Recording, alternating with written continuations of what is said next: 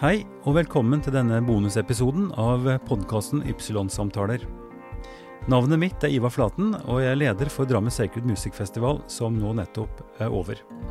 Må vi bryte oss inn i kirken? er tema for den femte og siste samtalen i serien Ordet er dekket, som ble gjennomført nå under festivalen i 2021. Programleder for serien er NRK-journalist Bjørn Olav Nordahl. Kulturprofilene Svein Tindberg, Erik Hillestad og Kjetil Bang-Hansen snakker med Bjørn Olav Nordahl i denne samtalen.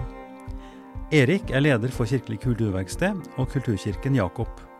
Svein Tindberg og Kjetil Bang-Hansen har jobba sammen om teaterforestillingene Markusevangeliet, Apostlenes gjerninger og Abrahams barn, som har fylt det norske teatret og lokale kulturhus landet over med rekordmange forestillinger. Samtalen fant sted på Darumsbiblioteket torsdag 23.9. Ble strømma live og kan ses på www.ypsilonsamtaler.no. Hvordan skal vi samtale om tro, religion og verdier i dag på en måte som gjør at folk føler seg gjenkjent? Hyggelig å se dere alle sammen. Hjertelig velkommen til eh, Drammensbiblioteket en gang til. Fra Ordet er dekket. Det er duket for siste servering. Eh, vi har hatt eh, fire kvelder tidligere hvor vi har hatt ulike gjester, ulike samtaler. Det har altså spredd seg fra fotball til flyktningleiren Moria i Hellas. Og i kveld så skal vi ta det litt hjem igjen, og kanskje til det som er av, en av hovedpilarene i denne festivalen, nemlig det som foregår i kirka. Og vi har med oss tre innbruddstyver i kveld. Tre stykker som har brutt seg inn i kirken og stukket av med det mest verdifulle for å ta det med seg kanskje dit det hører hjemme. Vi får høre hva de har å si. Det er eh, grunnlegger og daglig leder i Kirkelig kulturverksted Erik Hillestad. Det er teaterregissør Kjetil Bang-Hansen. Og det er skuespiller Svein Tindberg.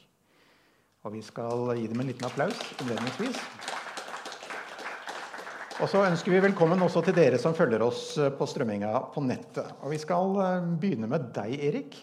Nyss ankommet eh, via kø på motorveibrua, men akkurat i tide. Og eh, jeg er hjertelig velkommen til Drammen. Har Erik lyd? Hører dere meg? Går det bra? Ikke? Jo. Der kom det. ja, kjempefint. Eh, det er ikke så verst her i Drammen, eh, Erik. Det er vakkert. Altså, Drammen er en vakker by, rett og slett. Det er godt å høre. Du, eh, jeg har kalt deg for innbruddstyv, og hele inspirasjonen til temaet i kveld det har jeg faktisk hentet fra deg. Og vi skal vi skal skru klokka tilbake til høsten 1982. Og de som uh, slo på Dagsrevyen en lørdag kveld da, de fikk ikke bare hakeslepp, de fikk bakoversveis og uh, antageligvis drøvelen i vranga. Fortell oss hva som skjedde i Fagerborg kirke. Jeg hadde laget en musikal som var spilt inn på plate. som het 'Dans med oss Gud'. Som var en uh, fortelling om en gjeng med unge mennesker som brøt seg inn i en kirke og hadde en fest der og ga uttrykk for sine ulike eh, holdninger til kirke og til Gud, og, og som eh, drev litt gjøn med det hellige. Som fleipa med gudstjenesteledd og og gjorde en del ting som helt opplagt eh, provoserte voldsomt da den ble lansert som plate da, i Fagerborg kirke. Hvor um, de sangerne som var med der, som var Susanne Fuhr og Gunni Aspås og Sigvart Dagsland og Ove Tue, de um, agerte der foran, eh, foran, i kirken sammen med et par dansere som var iført ganske tettsittende lærbukser og altså, et ganske sterkt uttrykk for at kroppen må ha en plass i kirken også. Det var på en måte noe av budskapet deres, hvor de opplevde at kirken var litt, litt sånn pertentlig, overåndelig og litt eh, overlæreraktig. Og dette protesterte de mot gjennom den eh, sanger da, som jeg hadde skrevet tekstene til, og som eh, Jan Eggum hadde skrevet musikken til, blant flere. Og, og dette ble et rabalder. da. Altså, dette er eh, åtte år etter at eh, du startet Kirkelig kulturverksted. Den første plata på Kirkelig kulturverksted den eh, het 'Lukk opp kirkens dører', og basert mye på tekster som din far Olaf Hillestad hadde skrevet. Ja. 'Lukk opp kirkens dører'. Tok det deg åtte år å tørre dette? Du hadde tenkt lenge, i hvert fall. Jeg hadde jobbet med et par år, faktisk. Og uh, dette det er jo født ut av det jeg opplevde gjennom mitt relativt unge liv den gangen. Uh, som en clash mellom Kirkens uh, skal vi si, hele, hele, livsfølelsen som kom til uttrykk i liturgi og, og, og, og kirke, kirkelige handlinger og sånt. Clash mellom det og på en måte det mer lidenskapsfulle livet, det sansbare, det som var knytta mye til uh, kroppslig utfoldelse og rytmisk musikk og osv som jeg opplevde i ungdomskulturen som jeg var en del av. Så de to tingene kolliderte, og jeg hadde lyst til å reflektere litt over det. Jeg var også ganske sur og lei av eh, alle, all den derre behandlingen av mennesker som er døpte, og som hører med i Kirken, som eh, ikke helt kvalifiserte hvis de ikke oppfører seg på veldig bestemte måter og går der ofte. Eh, hvem er innenfor, og hvem er utenfor? Hvem er det som hører til dette rommet her? Hvem er det som eier dette rommet her? var mye av problemstillingen eh, i denne musikalen. Hvorfor har vi sperret Gud inne? Jeg kalte, jeg kalte disse som på en måte sirkler som oster seg rundt liksom, eh, kirkerommet til vanlig for Guds fangevoktere. At han var holdt fanget i et bur i denne kirken her. Og det gjaldt da å befri ham og denne gruppa med mennesker. de som brøt seg inn og hadde med seg en kasse vin og laget en fest der inne. De skulle frigjøre Gud på en måte fra denne, dette fengselet. Mm. Så Det var ideen bak musikalen. Andreas Aarflot var kjempefornøyd? Andreas Aarflot han sendte meg et, eh, et skriv hvor han uh, gjorde det veldig klart at dette var ikke gagnlig oppførsel i kirken. Han ville ha, det, ha, ting, ha seg frabedt slike ting i de kirkerommene som han hadde tilsyn med. Så det skulle jeg bare vite. Det brevet har jeg liggende. Tatt vare på det? Ja. og eh, de av oss som da var yngre enn det du var på dette tidspunktet, men som hadde da eh, funnet uh, Lutherstiftelsens bokhandel som et sted å kjøpe kristelig musikk nederst i Akersgata. Da vi gikk til uh, inn dørene der og spurte etter 'Dans med oss Gud', så var svaret et bastant 'Den fører vi ikke'. Ja. Her det var jo veldig mange av de eh, bokhandlene som enten hørte til Nomi-kjeden eller noe tilsvarende, som nektet å selge den da de hadde tatt inn et par eksemplarer. Men men de tror jeg de kvittet seg med eller solgte under bordet i all stillhet. Jeg vet ikke riktig hva de gjorde med dem, men de ville ikke ha flere. Nei, men dette, dette, er, dette, dette, er, en veldig spennende dynamikk som vi beskriver allerede her i 1984. Du hadde så starta Kirkelig kulturverksted i eh, altså åtte år tidligere. Eh, og så eh, hadde du bygd opp en litt sånn venneskare og sånt. Men eh, altså Selvskading fikk vel kanskje en ny dimensjon i dette? Ja. Jeg ble beskyldt for å eh, dælje til tommelen på de som sto og prøvde å holde spikeren for meg, liksom. Eh, altså de som støttet opp om tiltak og sånn. Eh, var mange av de som vendte meg ryggen i den tiden der. Så jeg følte meg litt sånn en tre, tre kvart års tid litt eh, litt utstøtt fra selv det gode selskap som jeg følte at jeg tilhørte og hadde venner blant. Med noen unntak. Det var absolutt noen som tok dette her til seg, og som, som, som støttet det. Men, men, jeg var litt sånn persona non grata i mange sammenhenger. En tid etter dette. Til og med jeg mener, når når Dagbladet skriver leder og er dypt forarget over den typen oppførsel i Kirken, så har man tatt et steg, altså. eh, men, det, altså, man kan jo på mange måter si at du var arvelig belasta. For altså, din far han dro til London allerede tidlig på 60-tallet og studerte hva kirken eller hva ungdomskulturen og kirken kunne tilføre hverandre, og kom hjem og startet såkalte rytmegudstjenester. Så dette her var vel egentlig bare en slags omasj til din far? Dette. Ja, på en måte var det det. altså. Det kan nok hende at han også ville synes dette var å gå litt langt. Eh, men min mor Altså Far døde jo da før vi startet dette selskapet, så han fikk jo ikke gleden eller sorgen av å oppleve dette. Men min mor støttet meg jo i ett og alt og syntes dette var veldig evangelisk og godt.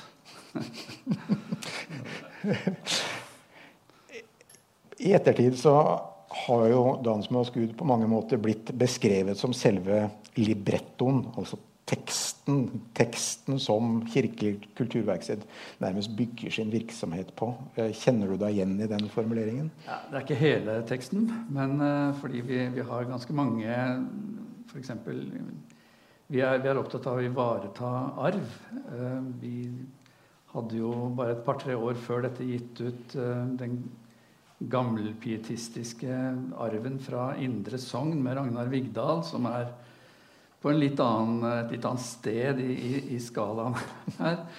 Uh, og har gitt ut, uh, hadde, hadde, nettopp gitt ut smykker fra bedehuset med skrukk osv. Så, videre. så vi, vi, følte oss litt breiere enn at dette var den eneste librettoen. Men, men det er riktig at vi, vi, uh, vi, har hatt det som en ledetråd å forsøke å anfekte dette. Hvem er det egentlig dette rommet og denne troen hører til? Hvem er det som har definisjonsmakten? Hvem er det som eier den? Hvem er det som er innafor, og hvem er det som er utafor. Det har vi hatt som en, en ledetråd hele tiden. det er sant. Du uttalte i hvert fall i et portrettintervju med Dagbladet at dette var høydepunktet i ditt opprør. Det kan du si. Det kan det ha vært. Ja, I hvert fall når det gjaldt Kirken. ja. Mm. Men du, eh, la meg ta fram et annet eh, element. Der, for du, altså jeg, jeg, har jo beskrevet deg og de, for så vidt de andre som kommer her, som innbruddstyver. Dere altså, Lukk opp kirkens dører, eller bryt opp kirkens dører. Altså, det er mange måter å se det på. Men her er et sitat fra Erik Hillestad. Gamle salmer trenger å fornyes og besudles. Ja. Det er sant. Altså Landstad ble jo i sin tid beskyldt for å besudle salmetonene med folkemelodier og, og dialektuttrykk. Og jeg syns det var et veldig vakkert kompliment ja, til Landstad at han drev med besudling. Altså, jeg, tror er, jeg, tror egentlig at det var besudling som skjedde da, da, da Frelseren ble født i en skitten stall. I, det aller høyeste trådte ned i vår møkk. Eller da den samme frelser ble korsfestet og blodstengt på korset. Det var en besudling av det hellige. Mm. Og på mange måter så er hele dette med inkarnasjonen og det vi skal gjøre for å virkeliggjøre den, det er i slekt med dette her. Altså vi må, vi må tåle verdens møkk og uh, anerkjenne den uh, som en del av Guds skaperverk. Og ofte kan det komme veldig bra ut av møkk. altså Bare spør en bonde. Mm. Men du har altså sagt at uh, vi skal male fanden på veggen og fornekte han ved alteret. Ja, det, det, er et uttrykk for at jeg tror kirkerommet som sådan tåler alt mulig. Altså det er ingen, det er ingen, uh, ingen grunn til den filttøflevirksomheten som vi bedriver ofte med angst for å gjøre noe galt i kirkene. For det kan ikke gjøres noe som er galt i kirkene, egentlig, eh, sånn sett. Fordi vi, vi er vi er i utgangspunktet i et rom som er et mikrokosmos, som skal speile hele menneskelivet. Og den boka som heter Bibelen, og som på en måte er et slags omdreiningspunkt i dette rommet, og hele, alle de fortellingene der, de inneholder så mye faenskap at vi klarer ikke å overgå det.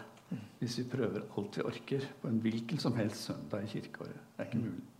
Så det, det, det er mye å hente i, i Bibelens uh, Eh, altså i Bibelens utmaling av fanden og alt hans vesen, i alle de fortellingene som forteller om det, som vi allikevel forteller om i, i, i, våre gudstjenester og i våre salmer og hvor som helst, og i lesningen av teksten.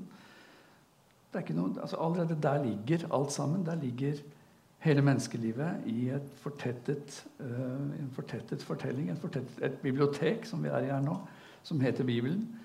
Og den inneholder allerede så mye av dette som vi skal male videre på kirkens vegger. Mm. Og så til eh, det som kan kalles en annen støvsamler i kirken, nemlig salmeboka. Og eh, det vi kanskje kan kalle for en salmerevolusjon. La oss eh, på en måte løfte fram en av artistene på Kirkelig kulturverksted, Ole Paus. Han var altså fornedret, utslått, tapetsert utover tabloidpressen og Se og Hør og det som måtte være. Og du jeg vet ikke hvordan du, Han hadde vel litt uttrykk for at han hadde lyst til å gi ut noe på Kirkelig kulturverksted. Men du satte et ultimat krav, og, det var at han skulle synge salmer først. Ja. Før han fikk gi ut noe som helst annet. Det er sant.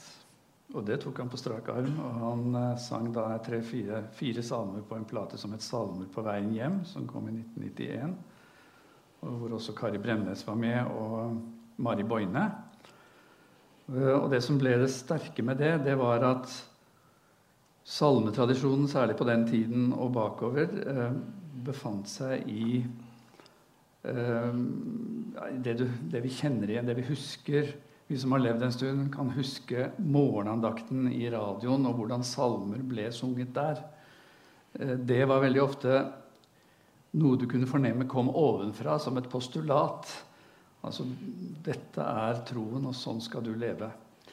Eh, mens Ole han sang disse salm, samme salmene nedenfra på et vis. Altså Han sang det fra et, fra et liv som, som, på en måte klynget seg til håp om at det finnes en frelse, at det finnes en plass for meg. Og ikke som en, eh, en påstand eller, eller, en prediken til, eh, til deg, stakkars, som hører på dette programmet her nå og sikkert trenger den nåde jeg kan være med å formidle til deg, altså som jo ofte preget salmesangen sånn som vi kjenner den fra før. Så han snudde litt opp ned på hvordan salmer hadde vært sunget. Det fins eksempler på det før ham også, f.eks. i gospel, spiritual-tradisjonen fra USA og sånt, som, eh, hvor sangerne, bluessangere og sånt, tok del og sang salmer på tilsvarende måte. Og så kom Knut eh, Reiersrud, Ive Kleive, Paul Dissing og Rai Rai Bjarne Brøndbo. Mm -hmm. Og da het det 'Salmer på ville veier'. Eh, hva tenker du er på en måte greia her? Hva er det dere oppnår med å ta salmene ut av kirkerommet på denne måten og besudle dem? Nei, Det er bare å gjøre det nærere livet. Eh, jeg tror salmene er noe veldig mange altså Det er veldig allmenne ting. Det, det handler veldig ofte om i hvert fall når de er skrevet ut fra et menneskeliv som har opplevd eh, kraftfulle ting i livet, sånn som f.eks. Eh, han, som, han som skrev eh, 'Nærmere deg, min Gud', eller hvilken, hvilken eller 'O bli hos meg', for den del. Altså, de, de, formidler en form for desperasjon, disse salmene. De er ikke forkynnelse på den måten. Det er uttrykk for for et menneskeliv. Det er, et, det er en, et destillat av en troserfaring eller en erfaring av å klynge seg til en tro eller et håp. Og jeg tror dette er noe alle gjenkjenner hvis det, hvis det treffer dem på den måten at selve bølgelengden er til stede for hvordan man altså for den livsfølelsen og den, den estetiske nerven man selv er i kontakt med til daglig. Hvis det treffer den nerven der, så kan alle kjenne seg igjen i salmer. Det kan gjerne være gamle ord. Det kan gjerne være høytidelige ord som vi ikke bruker i dagligtalen. Det spiller ingen rolle. Det har Kirken ofte trodd har vært veldig viktig å forsøke å reformere disse salmene og gjøre dem mer spiselig språklige. At vi ikke, og er livende redd for at ikke vi ikke skal forstå sånne ord og uttrykk som eh, Guds lam og andre ting, og prøver å modernisere dem. og sånn, Men jeg tror det er helt feil vei å gå. De gamle ordene de er veldig sterke. De har en voldsom kraft, men de må formidles på en sann og ekte måte fra et liv som har, som har kontakt med med, men, noe som gjør at disse salmene virker som de, kommer, som de er ektefølte. Og det tror jeg alle mennesker kan kjenne seg igjen i dag hvis det skjer. Men dette er jo også et uttrykk for sånn som jeg oppfatter deg, at eh, du gjør dette fordi kirka ikke får det til? Ja, altså Jeg er en del av kirka. Så jeg mener at fordi vi gjør det, så får Kirken det til. Og det er mange andre enn oss som gjør det også.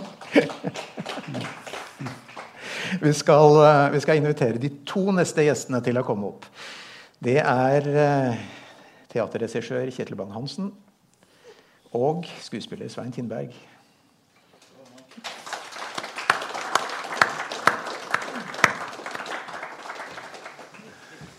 Sett deg i midten, du, Kjetil, så får vi, får vi alderens tyngde i, blant disse to ungsauene ved siden av deg. Ungdommen på siden. Ja. Hjertelig velkommen til Drammen og Drammensbiblioteket. Det er så stas å ha dere her. Jeg vet ikke hva jeg skal si om deg, Svein. Vi har truffet hverandre mange ganger. Men de siste årene så har jo du stort sett vært stemmen til Peppa Gris for meg, altså. Som har fått barnebarn. Du kan, et helt, du kan, jobbe et helt liv med store roller, men det er ingenting som slår Peppa Gris. jeg har lyst til å begynne med deg, Kjetil. Du har på en måte gjort alt som kan gjøres i norsk teaterverden. Altså, du har vært sjef på alle de store teaterne, Nationaltheatret og Den nasjonale scenen i Bergen og ja, Oslo Ny og jeg vet ikke hva. Eh, og du har regissert alt som kan regisseres omtrent. Men så er det altså det som skjer når dere midt på 90-tallet finner fram Markusevangeliet. Og det er jo på en måte har brukt ordet indrefileten i kirken, som dere stikker av med og tar med, med ut til folket. Hva, hva, hva, hva er det som rører seg opp i hodet ditt når dere setter i gang med dette? Ja, det springer jo ut fra et, et møte som Svein og jeg hadde noen år tidligere, hvor vi fant frem til en, et skuespill av Kai Munch ordet. Som jo er egentlig et eh, realistisk bondedrama fra Jylland. Eh, om et mirakel innenfor en liten familie. Og mm, der spilte Jeg fant det frem, for jeg hadde satt opp en gang tidligere i, i Molde og blitt grepet av det. Og så eh, har jo Svein og jeg jobbet med, med Jeg har vært hans lektor eller lærer og sånn, og vi har et fellesskap rundt dette.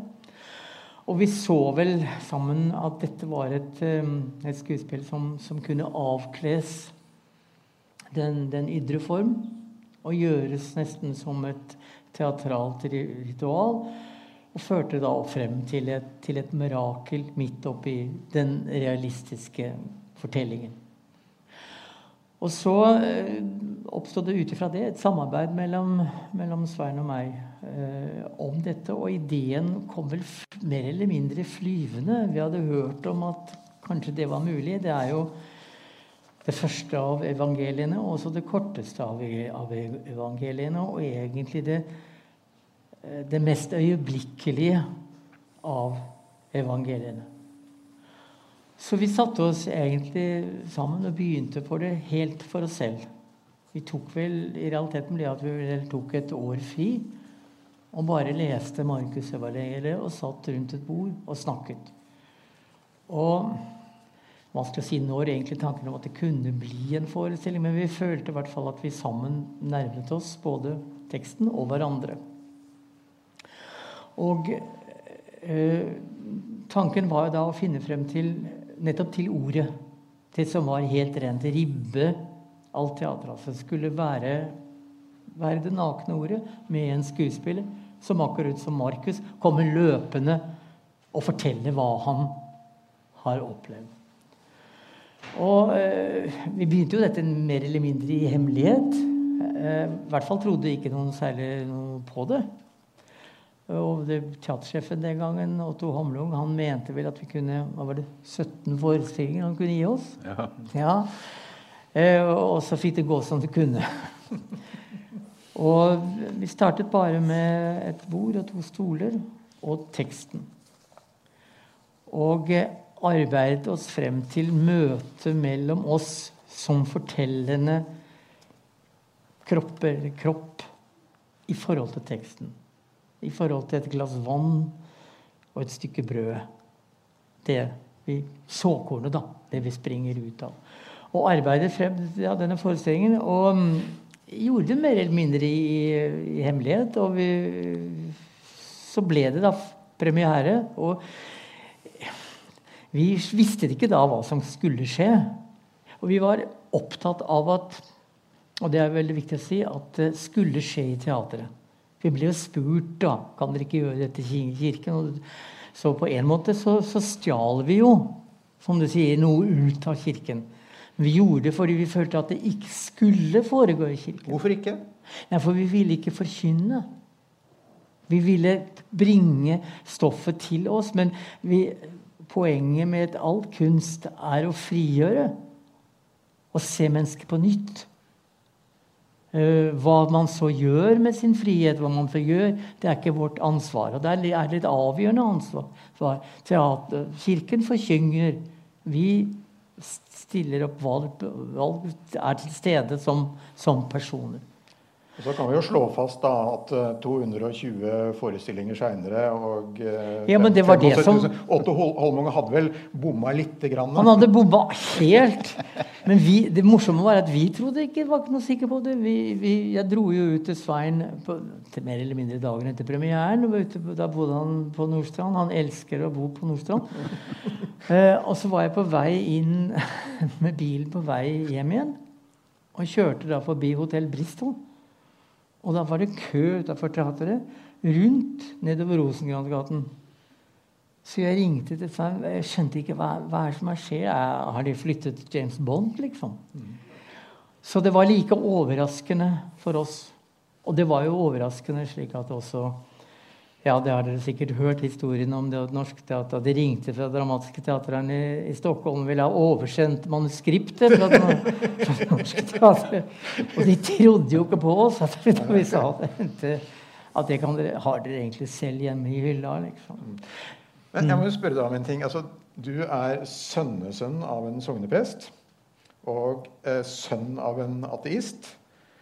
Og i det dilemmaet, skjæringspunktet der, befinner du deg ja. på et vis.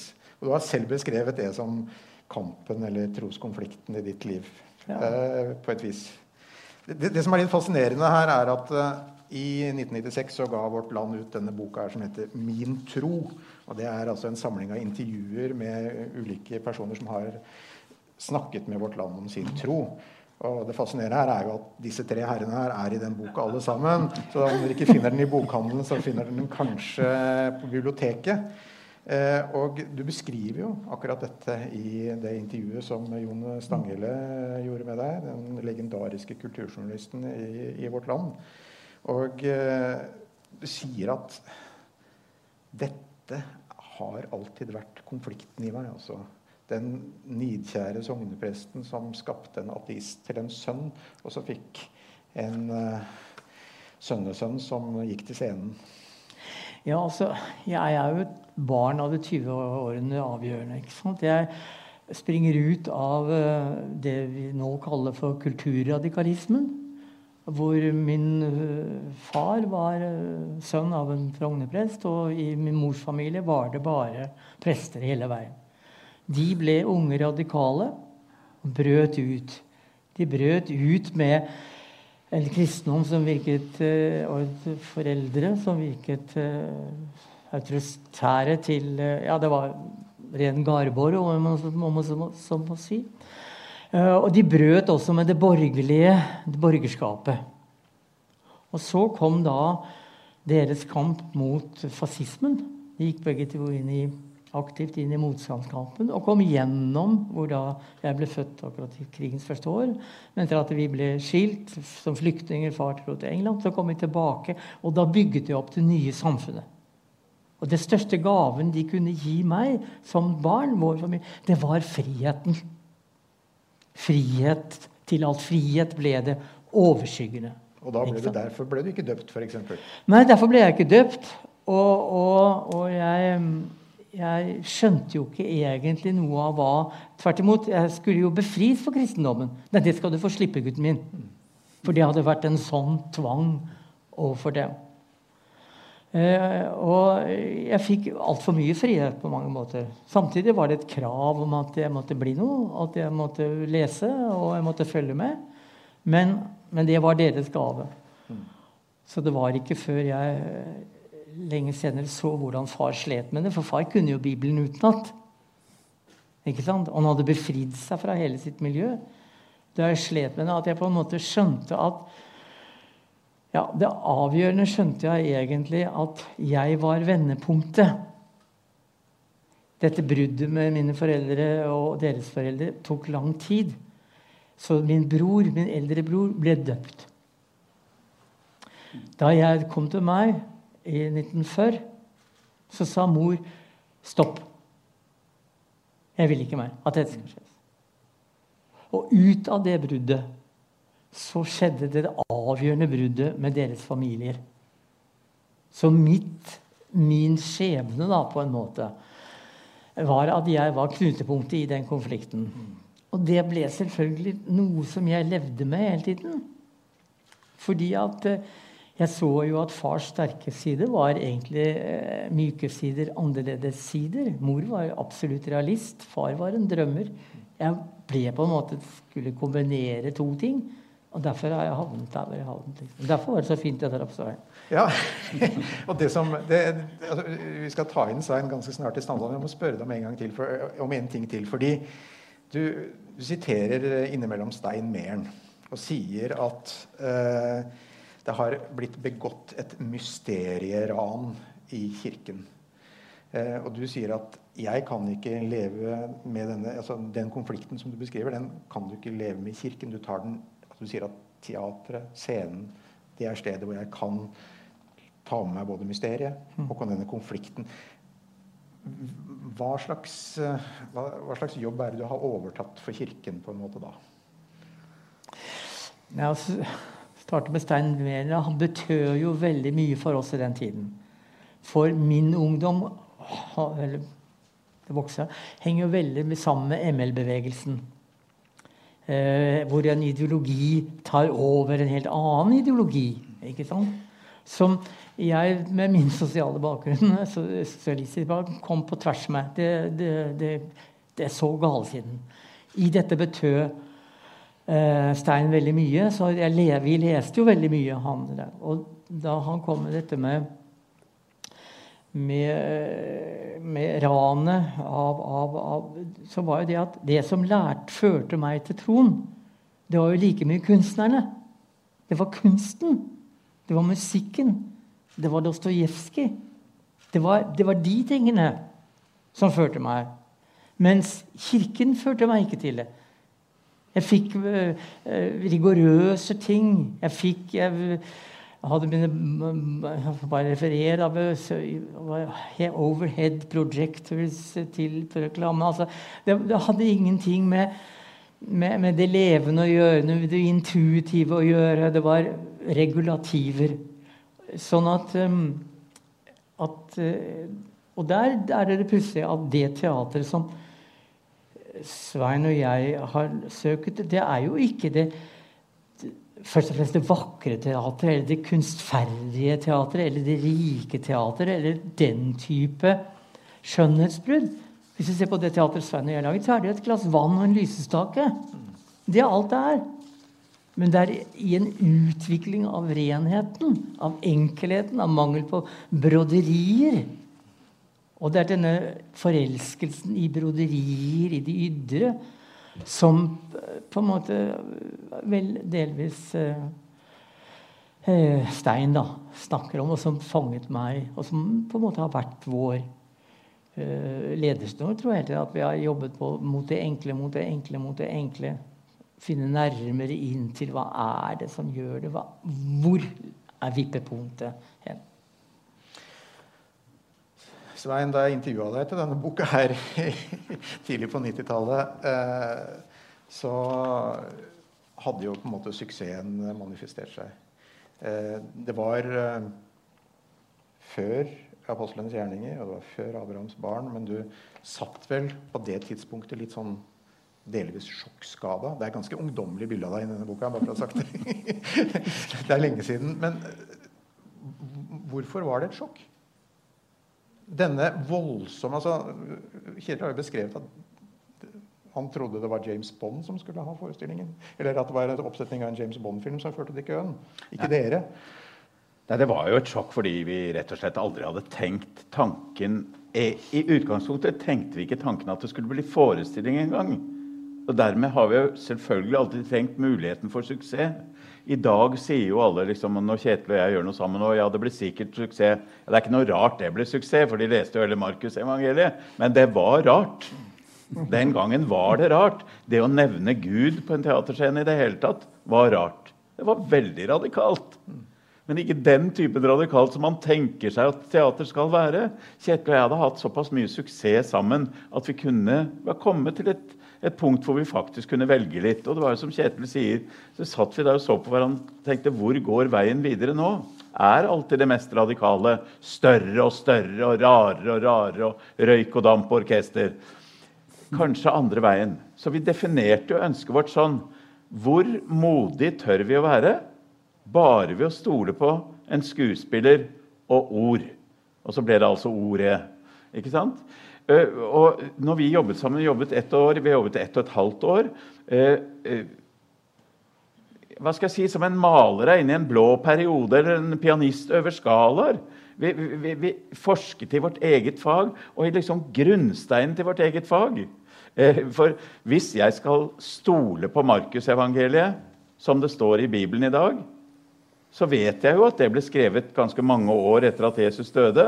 Altså må en eller annen liten Svein Tindberg i Judea-ørkenen har lært seg Markusevangeliet utenat. Og jeg vet at for to og en halv time tekst, den kan du ikke utenat uten at du har hjelp av fysikk. Så jeg så bare for meg en liten Kjetil Bang-Hansen og en liten Svein Tindberg ute i Judea-ørkenen. Det var liksom ak akkurat som å komme ned på grunnsteinen i faget sitt. Men vi mente jo aldri å spille det engang. Så det var jo som Kjetil sier, da vi var kommet fram hvor vi egentlig var klar for å legge det bort, da spurte jeg Otto Omlong hva med tre matineer på, på, på scene to. foreslo jeg. Og så så han på meg, og så sa han da Han, han stammer jo litt. 17 forestillinger på scene 2. Og, han, og med det høres han ut som en visjonær. Men jeg har jo oppdaget senere at han hadde 17 dager der uten noe å spille. Men i hvert fall så tok det altså av. Så det kom som et sjokk. Det kom for et sjokk på oss alle. Men eh, hvorfor ble, hvorfor, altså, hva er det som skjer her? Har du en analyse du kan hjelpe oss med sett fra sidelinja, Erik? Nei, jeg, jeg, vet ikke. Jeg tror, jeg tror, noe av dette handler om at uh, folk egentlig har en sånn sult etter uh, noe som er kjerne, noe som er uh, mm. noe egentlig. Og at, at de plutselig gjen, gjenkjente noe. Altså det er en eller annen sånn gjenkjennelse i noe som man på en måte har kanskje skuslet bort i blondene i mellomtiden. Mm. Men som her eh, fremsto i all sin nakenhet. Det var, en, det var en kraft, altså. Det var en helt utrolig kraft. For det har også med formidlingen å gjøre. Hvordan blir dette fortalt? Når vi leser det med litt sånn oppstyltet språk i kirken, så dør jo bare teksten. Men sånn som Svein forteller den, så er han plutselig det mennesket som skaper ordene der og da, liksom. Mm. Og det, sånn fremsto det jo. Det fremsto som du var fortelleren som kom fra Judea-ørkenen og hadde sett et, du hadde en merkelig historie å fortelle. Nå skal dere bare høre, liksom. Det, ja. det, er ikke sånn vi hører det i kirken vanligvis. Nei, så, så, er det jo det med kirken også, at du snakker om oss som tyver som stjeler fra kirken. Men kirken bruker jo ikke teksten. Nei. Du kommer på en vanlig gudstjeneste, og det er tre linjer fra Markus fra den hellige boka, og så er det en mann eller en dame i 20 minutter som står og forklarer det etterpå. Så hvis du, skal, hvis du skal være modig nok til å bruke Kirkens tekst, så må du faktisk betale 400 kroner og gå på teatret. For Kirken har den jo ikke. Nei, Alternativet vil være altså 20 minutter tekst og 3 minutter forklaring, kanskje? Ja, jeg tror det ville vært mye bedre innimellom. Jeg mener jo ikke at det skal være sånn hele tiden. Men Kirken har den skatten som du snakket om. Bibelen, som er mange bøker, som er et helt bibliotek, som har alt fra det ondeste onde til det skjønneste, vakreste. Og, og, Kirken er ikke modig til å stole på den skatten de har. De bruker for lite av den. Men du, eh, det er jo enkelte som vil si at uh, dere to i fellesskap har gjort mer for nynorsk enn det Ivar Aasen har gjort, omtrent. Uh, fordi noen vil jo si at det ville være en barriere for veldig mange. Og så gjør dere det på det norske, og der snakker man ikke noe særlig annet. I utgangspunktet så var det jo, var, hadde jo ikke tenkt Norske Teater. Vi hadde ikke tenkt forestilling. Så derfor var vi fri til å velge språk. Men vi tenkte som så at dersom vi noen gang skulle spille det for noen, så ville det jo bli for fem mennesker i Oslo sentrum. på en måte. Vi, vi ønsket at folk skulle høre teksten for første gang. Og da er det bra å velge en annen språkform enn det folk er vant til. Nettopp fordi at, at, eh, at det vekker. Eh, Målet vårt var jo at en eller annen skulle komme og si Unnskyld meg, men står det egentlig i Markusevangeliet? Og det gjør det. Og da tjente vi på å velge en annen språkform. Men jeg må si at i utgangspunktet Apropos det du snakker om med, med gammelt og nytt. I utgangspunktet så tenkte jeg at jo eldre nynorskoversettelse, jo vakrere.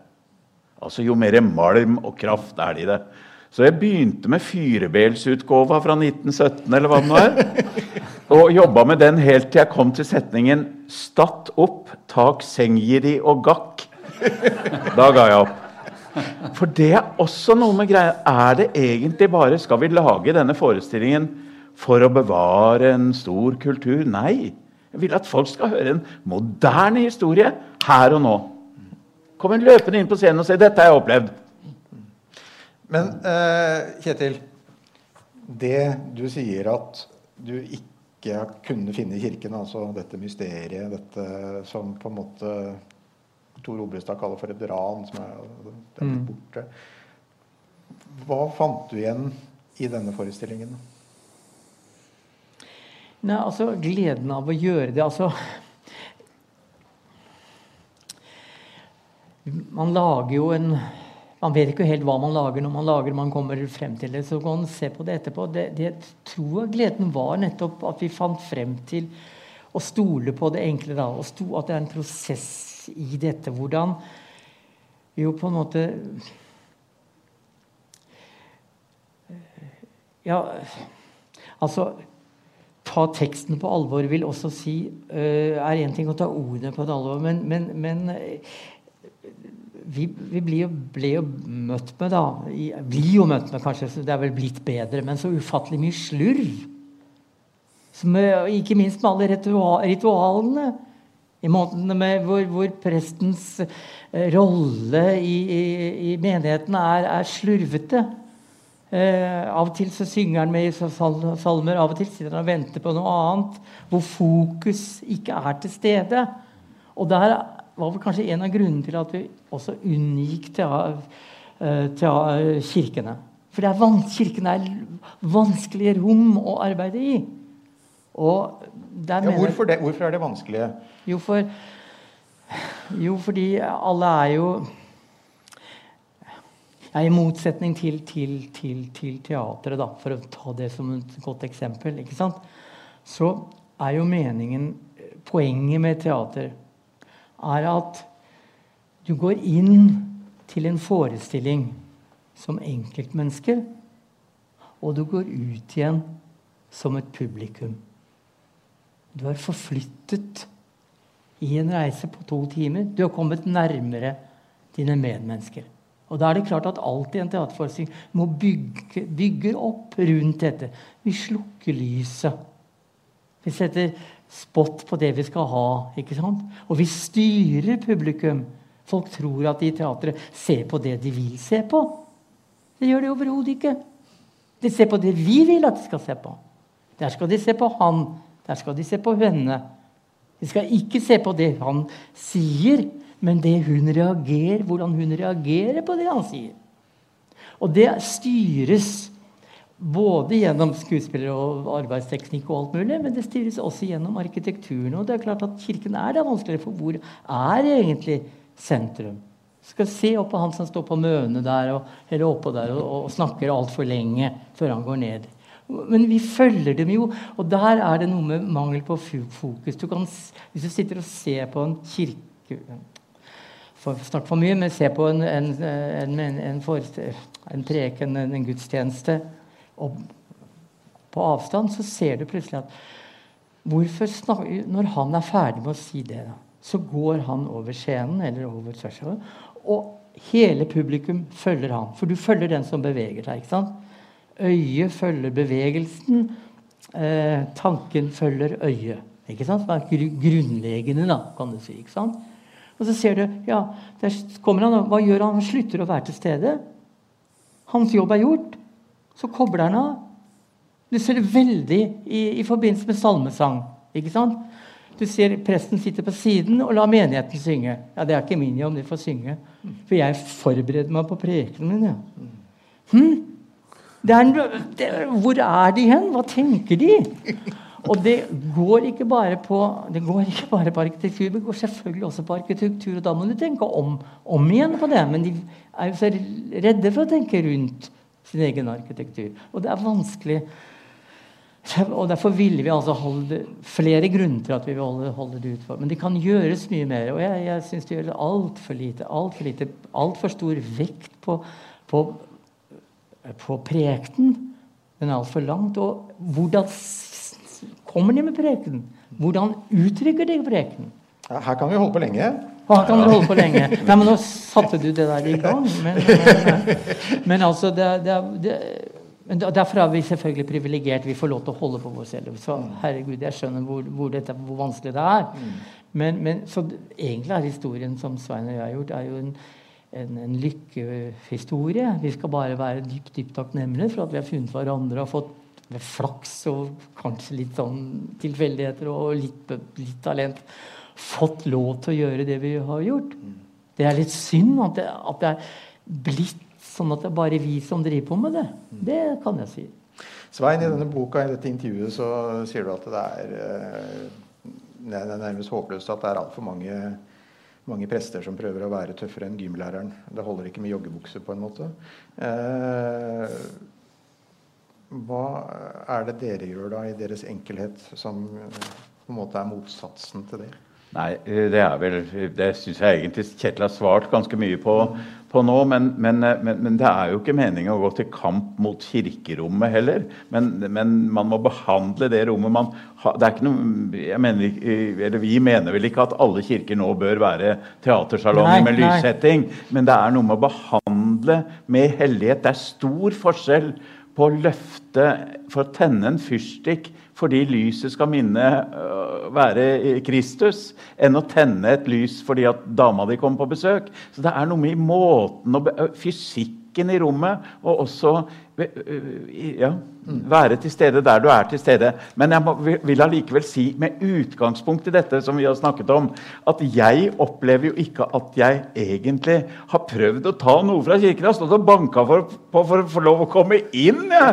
Fordi at så mange av uh, Erik Hilstads generasjon og, og, og venner, og, som er våre felles venner, har hatt har hatt et behov for, er vokst opp i et kristent miljø og hatt et behov for å banke ut døra og flytte det ut. Men jeg har aldri kommet fra et kristent miljø, så mitt behov er tvert imot. Det er å søke tilhørighet.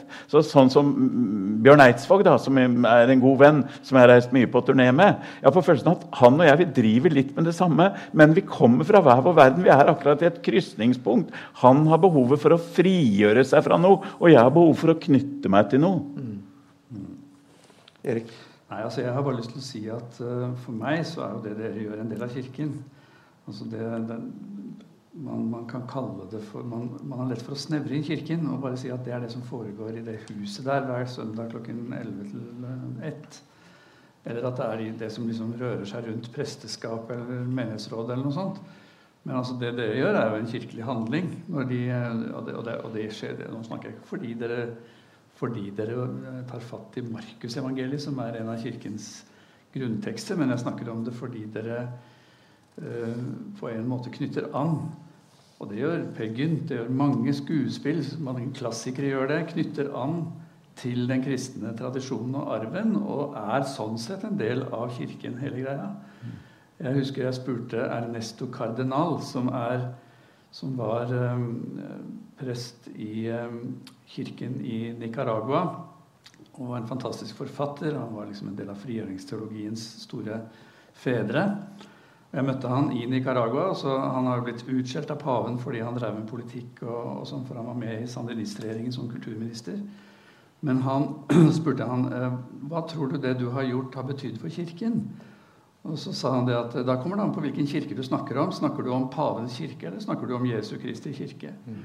Og jeg mener at Det vi snakker om her, er Jesu Kristi kirke. Og da inkluderer det Dostojevskijs romaner, og det inkluderer det dere har, det, teatersalen når det skjer et eller annet der som, som virkelig tar fatt i det grunnfjellet som hele vår kultur bygger på. Og det skjer jo i veldig mange skuespill uten at Gud nevnes en eneste gang. Uten at Jesus nevnes. Men det er allikevel en del av kirken i større, et større bilde. Vi skal flytte oss litt, Svein, til 2012 eh, omtrent, eller litt før. Eh, dere har hatt eh, suksess med Markus, dere har hatt, suksess med apostlenes gjerninger. Og så kommer den store tanken om å gjøre noe med den, det felles utgangspunktet. Altså de tre store religionene som alle hevder at de har Abraham som far. Eh, og som for øvrig Sigvart Dagsland også synger om til din tekst, tror jeg, Erik. Men ta oss med tilbake til Jerusalem, til et besøk du gjør i klippedomen eh, Jerusalemsveien. Fortell litt om det som på en måte begynte å spire da. Ja, Det var jo rett og slett fordi vi var på en felles tur til eh, Det hellige land. Altså, og var Første dagen så var vi altså en gruppe på ti mennesker som var inne på da eh, Haram Sharif, som jeg nå har lært at det heter, eh, eh, og foran klippedomen. Og, og, så plutselig så, så, tømmes hele plassen. altså Det er hyling og skriking, og, og, vi ble livredde. Og det løp folk overalt, og plassen fyltes med hundrevis, kanskje tusenvis av mennesker. Og mellom seg så bar de altså liket av en liten palestinsk guttunge. Eh, og plassen ble selvfølgelig tømt eh, øyeblikkelig. Vi ble jaget ut, israelske soldater, og overtok det hele. Og det var et sjokk. Eh, jeg har sett det på Dagsrevyen, men det er annerledes å stå midt inni. Det var så mye sinne, det var så mye hat, det var så mye sorg. Og så dagen etter så meldte jeg meg på en måte ut av turistgruppa og gikk tilbake, for jeg hadde ikke sett nok. Jeg hadde ikke sett meg mett der. Og da kommer en fyr med litt dårlig tannstilling bort til meg og, og, og, og, forlanger å få se billetten min. Og jeg hadde ikke noe billett, så han tok meg med til en kiosk og solgte meg en billett. Og jeg ble jo selvfølgelig rundlurt, man trenger jo ikke noe billett der. Men, han, eh, men Poenget var at jeg da hadde betalt han for å være min guide. Og Så gikk vi altså noen timer etter og så på akkurat de samme stedene som jeg hadde vært noen timer før med en kristenguide. Og han fortalte vakre, nydelige, dyptfølte historier om akkurat den samme steinen. Det var bare det at det var andre historier.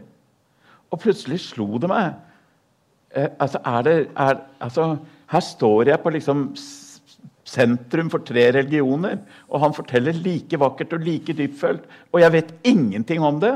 Og du kan si at Den dagen fikk jeg en hobby. da. Altså Jeg begynte å, å, lese bøker og prøve å sette meg inn i hva er islam. Og, og det holdt jeg på med i mange, mange, mange, mange år.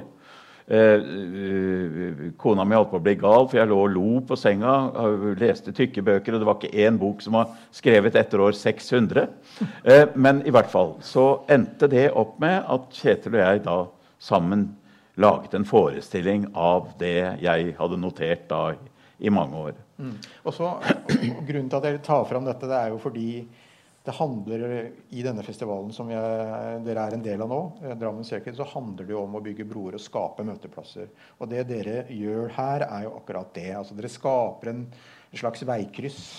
En, eh, et torg for uh, disse tre, hvor disse tre religionene på en måte kommer sammen, og dere forteller bakgrunnen og historien. Og det er bare en jordklode som kulisse bak her. Hvordan opplever dere at den forestillinga har skapt en dialog som har vært nødvendig? Jeg opplever jo at, at, det var et sjokk for meg, fordi den bygger på min uvitenhet. Altså Den forestillingen er egentlig eh, en litt forvirret skuespillers uh, vei inn i tre religioner. Eh, og, men det jeg gjorde, var jo ikke å lese alle bøkene som handler om det. Jeg satte meg ned med de tre hellige bøkene og litt ved siden av. Altså, du må lese noen hadither og litt profetbiografi og, og, litt legender. Men stort sett var det de tre hellige skriftene. Uh, og jeg har jo ikke noe teologibakgrunn. Jeg leste bare bøkene som bøker. Men det første som slår deg, er jo ja, jeg vet vi er forskjellige. Jeg vet vi har slått hverandre i hjel med, med helligboken vår i hånden i tusener av år. Men det som slår deg, er det er så likt. Altså, Det er så like, de bøkene. Jeg ante ikke det var min uvitenhet igjen, men jeg ante ikke hvor mye det står i Koranen, og de samme tingene som det står. Og vi har jo glede av i Abrahams barn at jeg leser lange tekster, og alle tenker så fint det er fra Bibelen. Nei, det er fra Koranen. Ikke sant? Så, har, så, prosjektet der har jo vært For alle vet om motsetningene, alle vet om konfliktene, men å løfte fram likheten, det har, det har jo vært hele prosjektet. Og dette har jo du drevet med også, Erik. Eh, du har jo løfta fram folk ifra disse ulike stedene hvor disse religionene er eh, dominerende. Eh, Rimbana f.eks. har jo vært en veldig sentral skikkelse på Kirkelig kulturverksted. Hva er det vi kan få til med kulturen her? Altså disse møtene som beskrives her. Dette torget, som jeg kaller det for, hvor folk møtes. Som kanskje ikke helt vi har fått til i, inne i kirkerommet? Altså det er noe med at uh, altså de, de, jeg har forholdt meg til uh, i dette her, er jo stort sett kunstnere. Mm. Um, og ikke imamer eller prester uh, akkurat i denne sammenhengen her. Jeg har truffet mange som, som er opptatt av poesi fra Midtøsten. og som på en måte hever seg litt over hele denne diskusjonen mellom disse tre religionene. Og som Svein sier, ser det som er likt og, og felles. Og ikke minst innenfor sufi-tradisjonen så har jeg funnet ut at det fins ekstremt mye bra fortolkning av møtet mellom menneskelivet og det guddommelige. Litt sånn uavhengig og hevet over disse dogmene som vi omgir oss med, som vi knytter an til, og som vi formulerer i trosbekjennelser og sånn. Og veldig ofte så blir for mange av disse kunstnerne kunsten som sådan i større grad på en måte det religiøse rommet enn en, um, litt sånn av det som teatret ble da dere jo jobbet med Markusevangeliet og sånt, uh, enn kirkerommet eller moskeen uh, eller synagogen.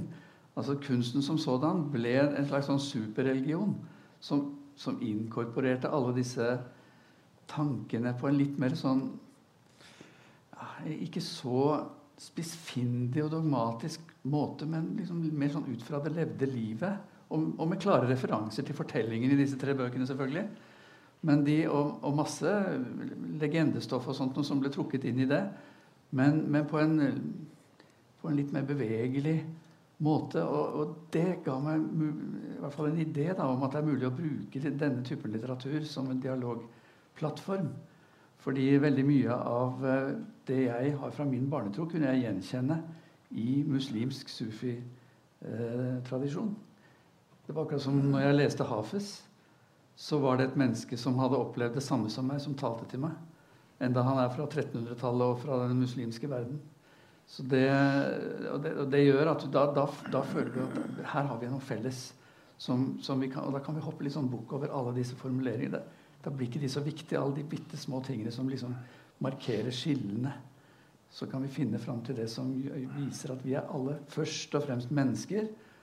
Og så kan vi eh, egentlig nesten bare le litt av alle de der bitte små forskjellene. Altså. Mm. Grundtvig der, altså? For eksempel, ja. ja. Eh, Svein, du sier et sted i et intervju at eh, når du fremførte Markus' evangeliet, så ble det viktig for deg så, Du er jo x antall ganger blitt konfrontert med er du personlig kristen nå? ikke sant?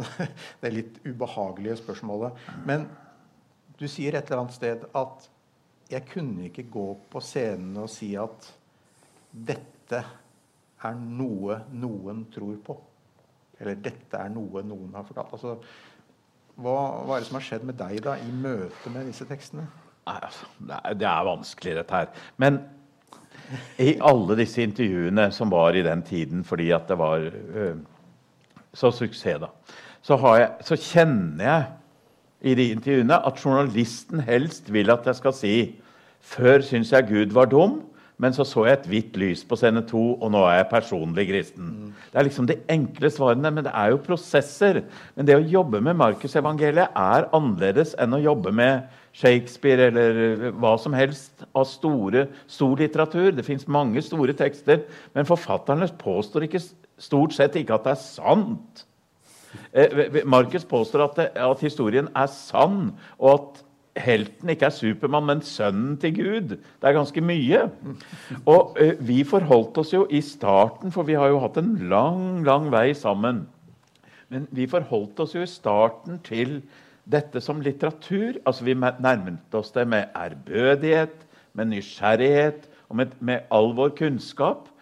Men jeg forholdt meg ikke til, til om det er sant eller ikke. Men det er bare det at du holder på å jobbe med det der år ut og år inn, så banker liksom Markus på døra sånn Ja, men tror du på det eller ikke? Eh, ikke, sier Markus. Ja, blås nå i det, sier jeg, for jeg behandler det med respekt. Ja, men tror du på det? På et eller annet tidspunkt så bare ga jeg meg. Ja, jeg tror på det. Vi begynner å nærme oss slutten på samtalen. Det er uhyre spennende å ha dere her. Men Kjetil, jeg har egentlig lyst til å slutte med deg. Fordi eh, jeg fant i mitt dypdykk i arkivet så fant jeg et sted hvor du uttalte deg om uh, ditt livsmotto. Og da skal vi sitere Dostojevskij og uh, en av hovedpersonene i Raskolnikov. Bli en sol. Ja. Dostojevskijs ja, står meg veldig der. Jeg laget jo en, en dramatisering av, av uh, forbrytelse og straff i sin tid. Og det er en scene mellom Porfiri, denne politimesteren, detektiven, hvor, som da møter Helt på slutten møter Raskolnikov. Og, og eh, det er helt klart da at Porfyri vet at han Raskolnikov har myrdet denne kvinnen. Og det er også klart på en måte at Raskolnikov vet at han vet, men vil ikke ta det inn over seg. Da kommer dette enkle budskapet fra Parfyri, som er en underlig komplisert figur, det, hvor han sier Men bli en sol, sier han. Og det så Det er veldig, veldig enkelt, da. At det dreier seg om å, å, å, å eksponere det, det, eh, Godheten, gleden Dette det er et for meg så enkelt enkelt budskap overalt. Og det, det var en dum anket fra Dagbladet. De skulle ha dette her. Det, men det kom sånn. Det var ikke noe jeg hadde gått og spekulert på, liksom. Men det, ja. Eh, og eh, Men det holder fremdeles? Ja, ja sol det, altså, det, er de gamle eventyret. Hva er det som får, for, for mennesket, men, menneske til, til, å, åpne opp? Det er jo solen. Når, når kulda kommer, så blir vi mindre. Varme gjør oss større, fysisk større. Vi utvider oss. Ikke sant? Og hva er det som får oss til å utvide oss? Jo, det er solen. Og um, det er veldig godt. Ta det med dere. Veldig ålreit. Jeg tror vi skal uh, si tusen takk. Jeg syns det var en, et fint sted å slutte, Kjetil. Takk skal dere ha, alle tre. Takk til dere som har fulgt uh, oss på nettet. Og tusen takk til dere som har fulgt Ordet er dekket i større eller mindre grad gjennom uka. Det har vært en glede å se mange av dere komme tilbake. Du har nå hørt en bonusepisode av podkasten Ypsilon-samtaler. Vi sender flere slike bonusepisoder nå i forbindelse med Drammen Sacred Music Festival. Ordinære episoder de kommer på torsdager. Utgiver av Ypsilon-samtaler er Kirkelig dialogsenter Drammen. Eh, og vi er støtta av Drammen kommune, av Einar Juels legat og av Barne- og familiedepartementet. Du finner alle episodene og bonusepisodene på www.ypsilonsamtaler.no. Og vi er veldig glad om du har mulighet til å gi oss et tips på folk som du syns er interessante å kunne snakke med. Takk for at du lyttet til podkasten vår.